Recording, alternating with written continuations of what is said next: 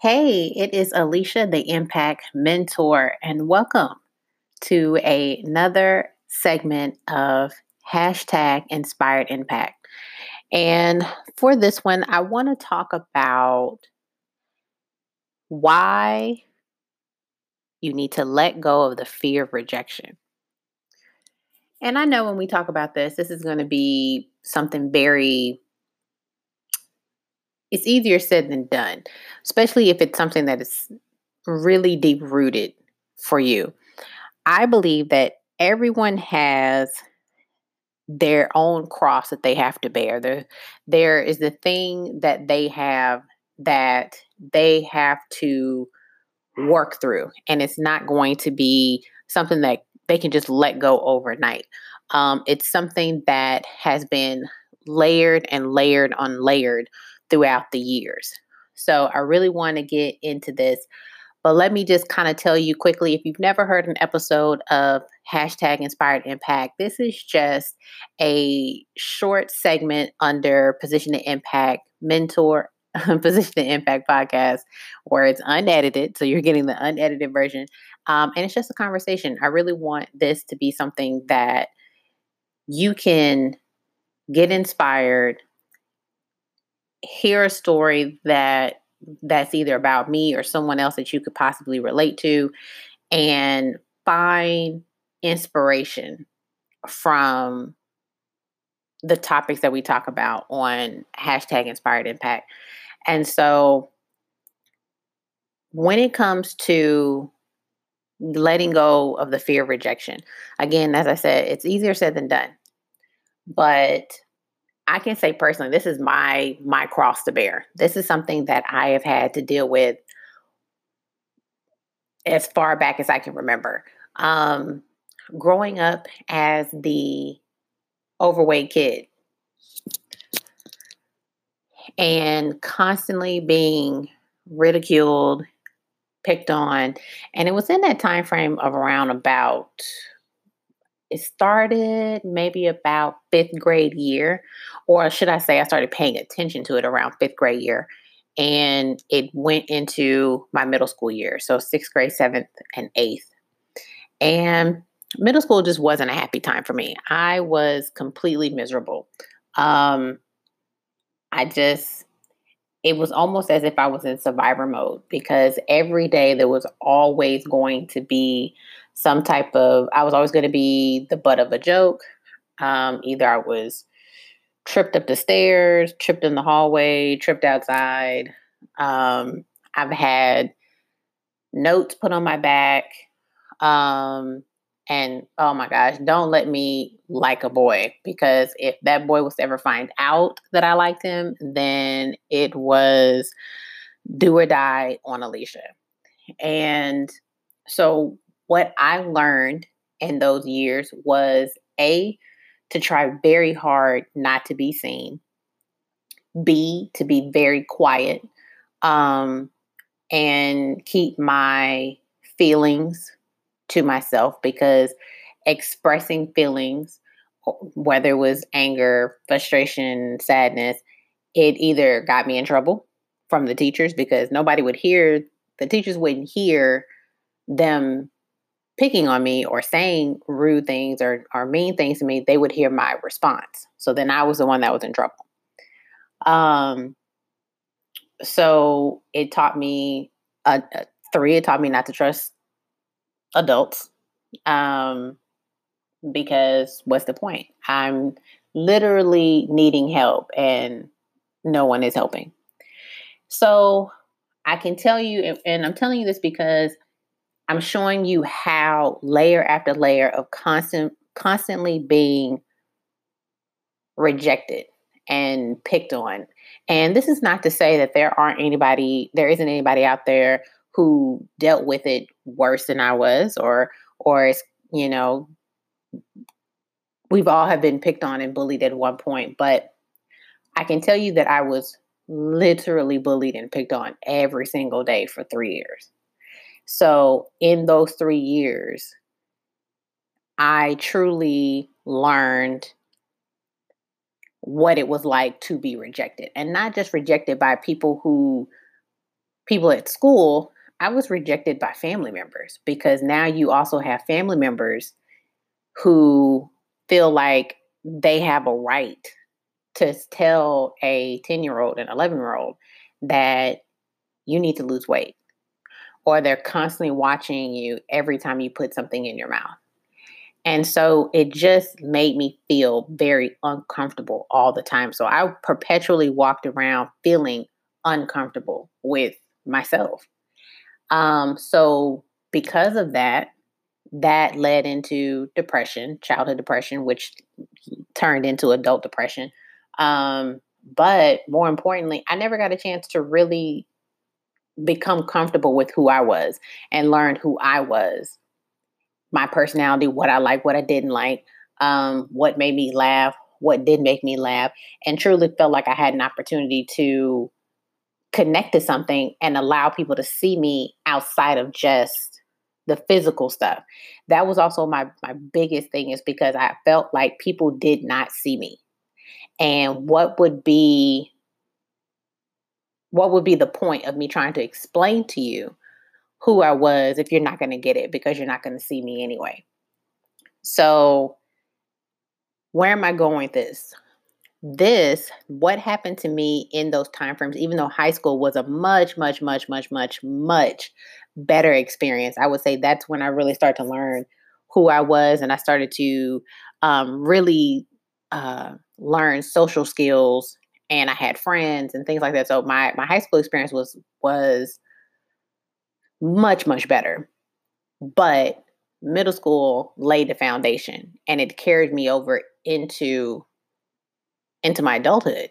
And so those years of being ridiculed and picked on and put down every single day for 3 years really ingrained itself in me and it affected how I showed up as a as a business, how I showed up for myself at work, um, working in high end retail, being a manager, um, how I would defend myself or how I would show up in meetings or how I would show up with my coworkers or my or the leadership team, um, how I would show up in my business, it affected how I showed up consistently.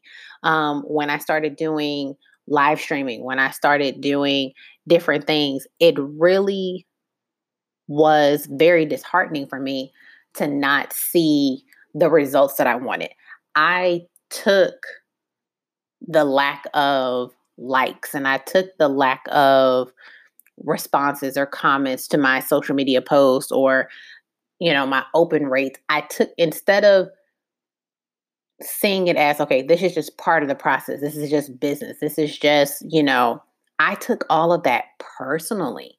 It was as if every time someone res- didn't respond to me, it was almost as if it was another confirmation that it was me. Well, they're not opening my emails because they don't want to hear me. They don't want to read that I just poured my heart out into this email. They don't want to they don't want to read that I put so much effort into writing this blog post or writing this social media post or they don't want to know me. They don't want to they don't want what I offer. What I offer isn't enough. What I'm wanting to put out into the world isn't valued valuable enough. I took it personally. And when you have that layer of rejection, that that fear of rejection, it will stop you in your tracks. It will stop you from showing up as authentically as you possibly can and as consistently as you possibly can because you're constantly trying to break that brick that wall of rejection, that wall of protection that you've put around yourself so that you won't be hurt.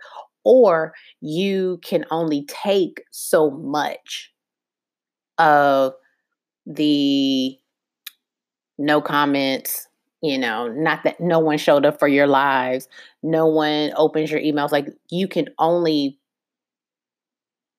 put yourself in those situations so many times to where you have to stop and pause and take a break and step back and then it, it, it affects your consistency. So because again you're taking it so personally. And what i've had to learn since 2015 is i've had to i've, I've almost had to play this game with myself where it's okay i cannot control what someone else does, but I can always control what I do. I can control how I show up. And so when you have a purpose, you know, again, I named I named the podcast Position to Impact for a reason. And it was because when you have a God-given purpose, when you know that you know that you know that you know that you've been put on this planet for a particular reason. And you know that God has shared with you the message that He wants you to share with the world. And when He's given you the skill set and the gifts to get it done, and there's no obstacles in your way other than what you tell yourself. When you know this, then it is very hard to be still. It's very hard to sit down. Even when you want to quit, you can't. But on the flip side of that, it's you're scared. You're worried if this is is if what you're doing is going to work. It's very easy to compare yourself to other people, people who may have started around the same time as you who are further along than you. It's very easy to get caught up in that. But I had to play the game of, okay, I can control what I do. And I have to understand and I have to remember that I'm on a mission. And my my job is to be obedient. My job is to is to show up for God because he told me to. He told me to go live. He told me to write this email. He told me to put this post. He told me to make this graphic. He told me to host this class. He told me to host this webinar. He told me to, to make this package. He told me to make this podcast. He told me. So, with all that being said, let me tell you if you are the person who rejection is your thing, it, it, it's ingrained in you. Your, your fear of rejection is ingrained in you. Understand that you're not alone and understand that you can still make it happen that every day it's going to be a fight. But if you choose to shift your mind and change your attitude and change your thoughts, and there's a scripture in the Bible that says, allow the Holy Spirit to change your thoughts and your attitude. So if you can breathe through the fear for a second, because the fear is going to come, but just breathe through it, allow it to wash over you. And then say, you know what? I'm going to do this because I want to be obedient. And I'm doing this because I know I need to do this. I have to do this. I'm on a mission. And if you would do that every single time, you will see the consistency. And then when you see the consistency in yourself, you'll start to see the consistency and people paying attention to you. You'll start to see the consistency of people opening your emails. You'll start to see the consistency of people buying your products. You'll start to see the consistency of people responding to you, showing up on your lives. You'll start to see the consistency of people showing up for your for your meetings or showing up for your Bible studies or showing up for whatever event you have going on. It's about the consistency and the obedience so I really hope this inspired you. This episode of hashtag inspired impact. I really hope pushing through the fear of rejection. I was able to give you a few tips, um, simple tips, but they're simple, but they're not easy. But they're they're simple, and if you put if you do it, I guarantee you'll see yourself move more and more. You'll push that needle more and more. Um, so thank you so much for listening to this episode. Please share this out. Please comment. Um, And please, please, please, I also want to tell you that make sure that you head over to theimpactmentor.com slash podcast if you're not already signed up so that you can be a part of the Facebook community. You will get the link to the Facebook group and you can come over there and have a conversation with me and past guests. Um, you'll also get access to any episodes way earlier than anybody else um, there in that group. Also, you'll get the links to all the previous episodes' free goodies and tools and resources. Um, I have a fantastic freebie for you. I have a video that you can watch of the things that you need to build a brand so you can start building a brand around your purpose. All right. So until next time, this is Alicia. I'll talk to you soon.